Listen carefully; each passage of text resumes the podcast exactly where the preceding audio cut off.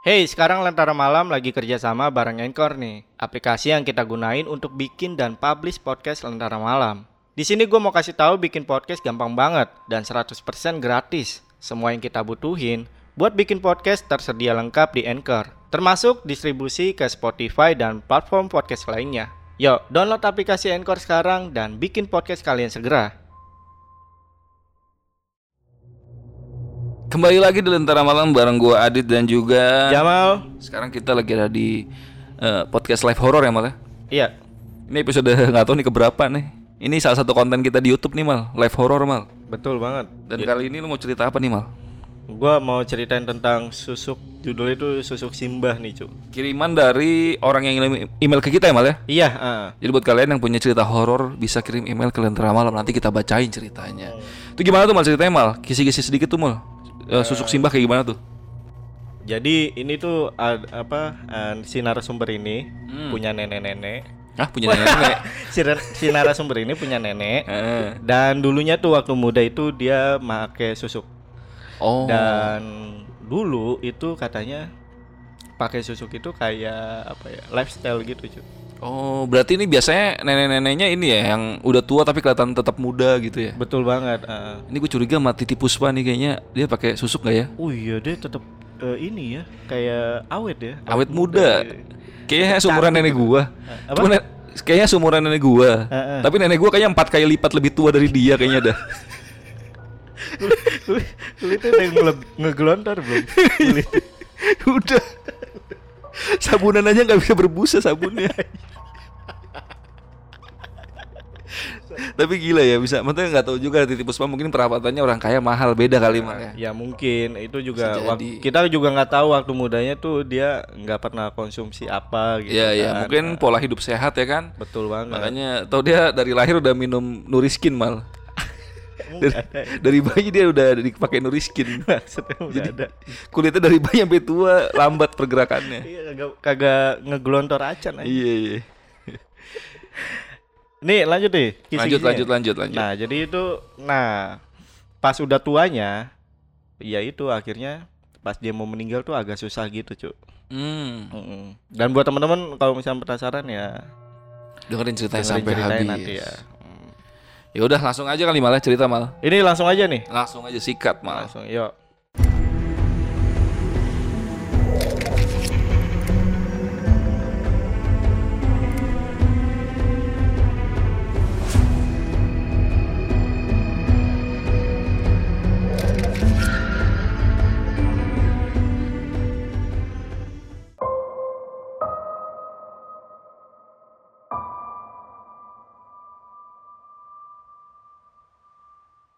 Ini judulnya Susuk Simbah. Susuk sih mbak. Instagramnya Mbanggap Mbanggap Bangga. Mbanggap Agak Iya. susah diejanya. ya. Iya. Oke. Assalamualaikum warahmatullahi wabarakatuh. Waalaikumsalam. Nama saya Bangga asal Bandar Lampung. Widih dari Bandar Lampung nih, Cuk. Halo Bandar Lampung. Salam dari Jakarta. Betul. Saya memiliki cerita horor yang terjadi di keluarga saya di tahun 2014.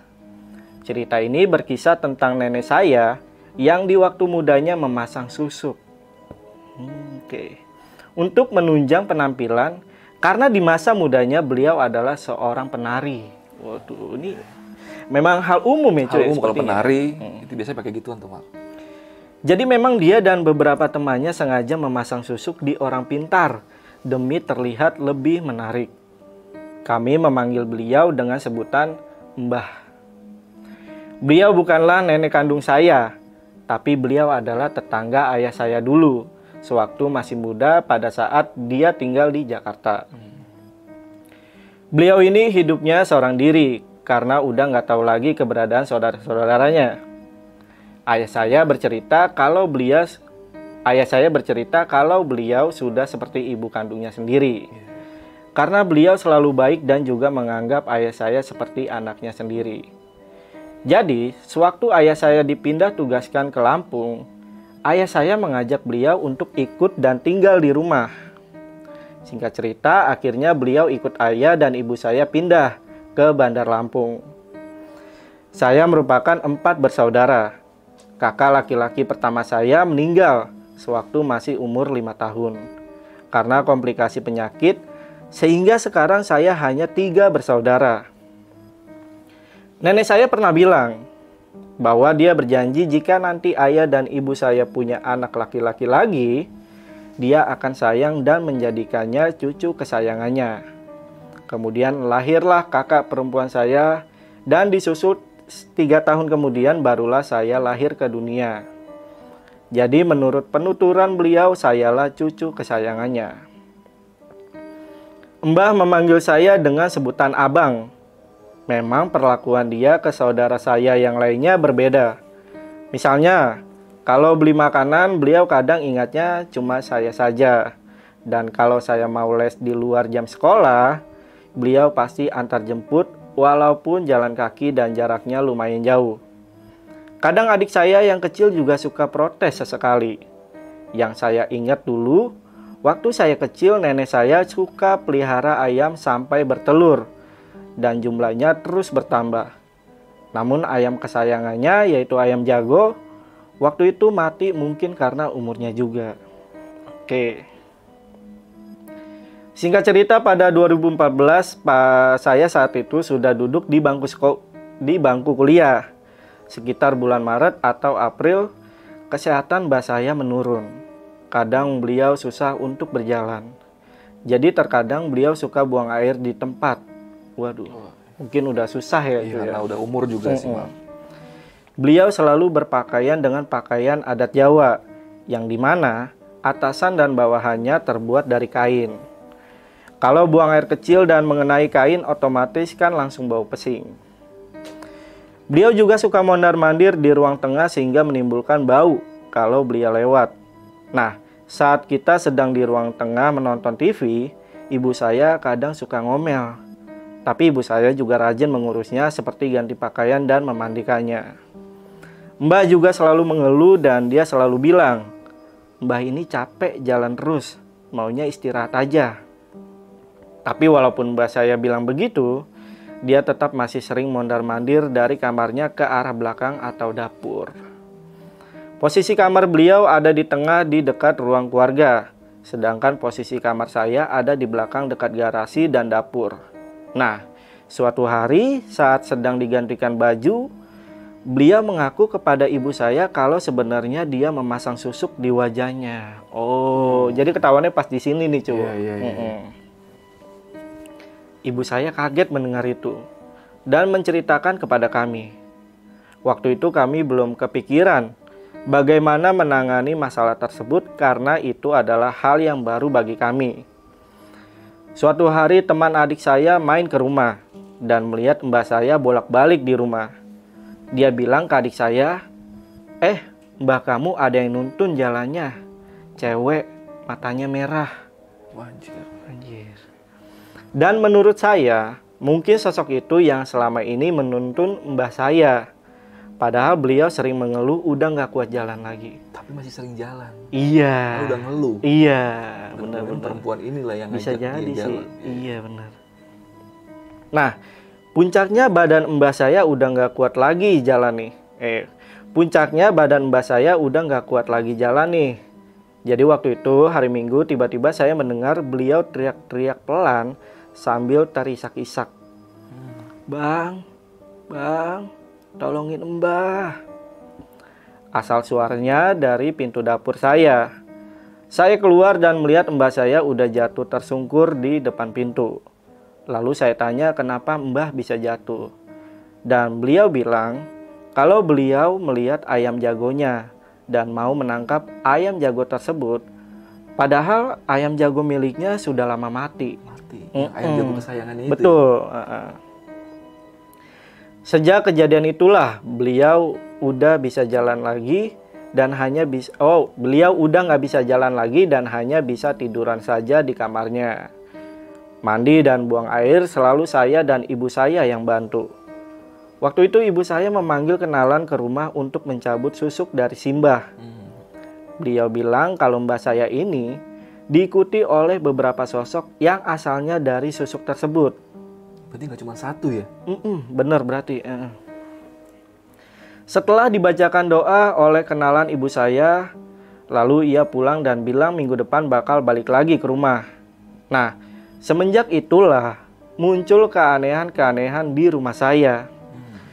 Jadi waktu itu, kakak perempuan saya lewat kamar mbah saya ke arah ruang tamu karena dia mau ambil handuk yang letaknya ada di teras depan. Sesudah dia ambil handuk, dia ke kamar ibu yang kebetulan ada saya dan juga ayah saya. Dia nanya ke ibu, itu adek ngapain di kamar mbah? Duduk di bawah sambil tangannya pegang dengkul. Lalu ibu bilang, loh adek kan lagi les di luar. Lalu ayah saya langsung menuju ke kamar mbah saya untuk melihat apa yang kakak saya lihat. Dan pas sampai di kamar mbah saya, Tiba-tiba ayah saya istighfar karena katanya dia lihat di kamar mbah ada anak laki-laki berpakaian batik zaman dulu duduk di bawah lantai kamar mbah saya. Anjir. Anjir. Karena ini serem lucu. Misalkan lu ngeliat nih, terus lu bilang ke gua, Iya, iya, terus gua ngecek masih ada. Masih ada. Itu horor banget sih Horor menurut banget itu Hmm. valid ya ibaratnya. Valid, eh. Kadang-kadang kan orang halu. Iya betul. Ada ada ada pas dilihat nggak ada kosong. Anjir. Ini dua orang lihat dengan Dua mata orang. kepalanya sendiri. Bahkan dia juga ngeliat ini yang ini. Iya, ya iya, kan? iya. Ya kan pasti dia ngikut ayahnya. Dan malam itu juga langsung diadakan pengajian mendadak di rumah saya. Responnya bagus sih. Responnya bagus. Iya. Saya dan ibu keliling rumah tetangga buat undang mereka ke rumah. Sosok anak itu beberapa kali terlihat di rumah saya. Seperti di kamar mbak saya atau di kamar mandi belakang rumah saya. Bahkan kalau malam, kadang saya suka mengintip ke arah mbak saya, ke arah kamar mbak saya, ke, ke arah kamar mbak saya untuk hanya sekedar melihat keadaan beliau. Nah, sewaktu saya intip, saya lihat mbak saya seperti sedang mengusir sesuatu menggunakan gulingnya. Mbahnya bisa ngelihat berarti nih. ya. Dan kejadian yang paling tidak masuk akal adalah pada waktu itu di hari Minggu yang kebetulan ada beberapa saudara juga main ke rumah sekalian jenguk mbak saya. Saat itu sekitar jam 9 pagi dan cuaca lagi cerah. Tapi anehnya, tiba-tiba ada petir masuk ke rumah saya. Petir. Petir, cuy. Kilatannya mungkin ya, kilatannya ya mungkin. ya. Ini nih, padahal garasi saya ada kanopi. Tapi petir itu bisa tembus hampir masuk sampai ke jendela kamar saya. Buset. Dan pantulan api yang dihasilkan dari petir itu terlihat sampai ke dalam. Kami semua istighfar melihat kejadian itu. Jadi petir itu mungkin untungnya nggak sampai ke rumahnya kali ya Iya, mungkin iya, ya. iya. Tapi udah deket banget mungkin ya. Tapi nggak ada yang kebakaran ya? Nggak ada ada, kebakaran ya? nggak ada. Cuman udah ke- kilatan apinya tuh Iya, udah. iya. Karena petir emang bikin suka bikin kebakaran juga tuh. Iya bahaya. benar. Hey, sekarang Lentera Malam lagi kerjasama bareng Anchor nih, aplikasi yang kita gunain untuk bikin dan publish podcast Lentera Malam. Di sini gue mau kasih tahu bikin podcast gampang banget dan 100% gratis. Semua yang kita butuhin buat bikin podcast tersedia lengkap di Anchor, termasuk distribusi ke Spotify dan platform podcast lainnya. Yuk, download aplikasi Anchor sekarang dan bikin podcast kalian segera. Pernah juga ada kejadian. Jadi gini, saat mbah saya sakit, tetangga saya kan sering jenguk beliau juga. Hmm. Tetangga saya coba ngajak ngobrol, tapi beliau tidak pernah respon. Kecuali saya yang ngajak bicara. Jadi kadang saya yang ke kamarnya buat ajak dia ngobrol sambil elus-elus keningnya. Nah, tiba-tiba dari kuping beliau keluar banyak semut hitam dan tidak berhenti-berhenti. Anjir. Sudah saya bersihkan, tapi itu terus berlanjut sampai beberapa hari ke depan. Anjing sih. Gue ini nih apa merinding nih. Iya, iya. Eh. Dan beberapa minggu setelah itu, datanglah kembali kenalan ibu saya yang orang pintar untuk melanjutkan pengobatan. Lalu selang beberapa lama dia datang, saya masuk kamar mbah, saya buat jenguk, di situ saya elus-elus keningnya. Tapi kali ini ada yang aneh. Ada yang aneh lagi. Hmm. Saat saya elus kening mbah saya, seperti ada benda di dalam kulitnya. Mungkin sekitar lima buah yang letaknya di kening dan di sekitar pipinya. Besoknya, ibu saya manggil tetangga saya yang kebetulan seorang perawat dan suaminya mantri. Hmm. Setelah dicek, akhirnya kita memutuskan untuk mengeluarkan benda tersebut dari wajah mbah saya. Benda- Benda secara medis berarti nih. Ini medis nih, iya Nah, benar, medis. medis. Eh. Bendanya terlihat seperti serpihan-serpihan besi atau emas yang kondisinya sudah karatan. Ini susuknya nih ya. Ini susuknya Susuknya. pasti ya. Mm, Udah karatan, cu. Iya iya iya. iya. Besi dan Berarti bukan emas dong ya? Karena emas kan nggak bisa karatan mal. ini seperti oh iya sih. Iya. Besi ini. Karena setahu gua kalau biasanya susuk ya, itu kalau nggak berlian ya emas. Mm-mm. Gue baru denger yang besi nih. Iya. Coba lanjut lagi. nih. Mm. Kalau emas gue jual itu biasa. Karena mungkin udah lama tertanam di wajah mbak saya. Setelah susuk itu dibuang, mbak saya sudah nggak bisa lagi menggerakkan badannya atau berkomunikasi. Dan perlahan-lahan wajah beliau juga mulai berubah menjadi lebih tua dari sebelumnya. Dan tidak sampai seminggu dari susuk itu dibuang, mbak saya meninggal dunia dan dimakamkan di pemakaman dekat rumah kami. Sekian cerita dari saya tentang apa yang terjadi di keluarga saya. Terima kasih. Wah gokil sih. Tapi emang gitu sih biasanya kalau Hmm. Orang punya susuk, susuknya dicabut, itu nggak lama pasti meninggal. Iya. Bahkan kadang-kadang ada yang baru dicabut meninggal malah. Ada ya. Ada. Gue pernah denger lah pokoknya pernah dengar seliwerannya. Kita juga pernah yang pejabat pengguna susuk. Oh iya, punya si Marcel ya? Marcel. Ada di Idola malam. malam, ya. Dia cerita tentang susuk juga. Iya. Kalau Bukan itu pejabat ya. Pejabat. Coba kita bahas dulu yang cerita ini nih. Hmm. Ini gue cukup menarik karena eh, dia mungkin kalau ada dia di email ngirim foto nggak malah?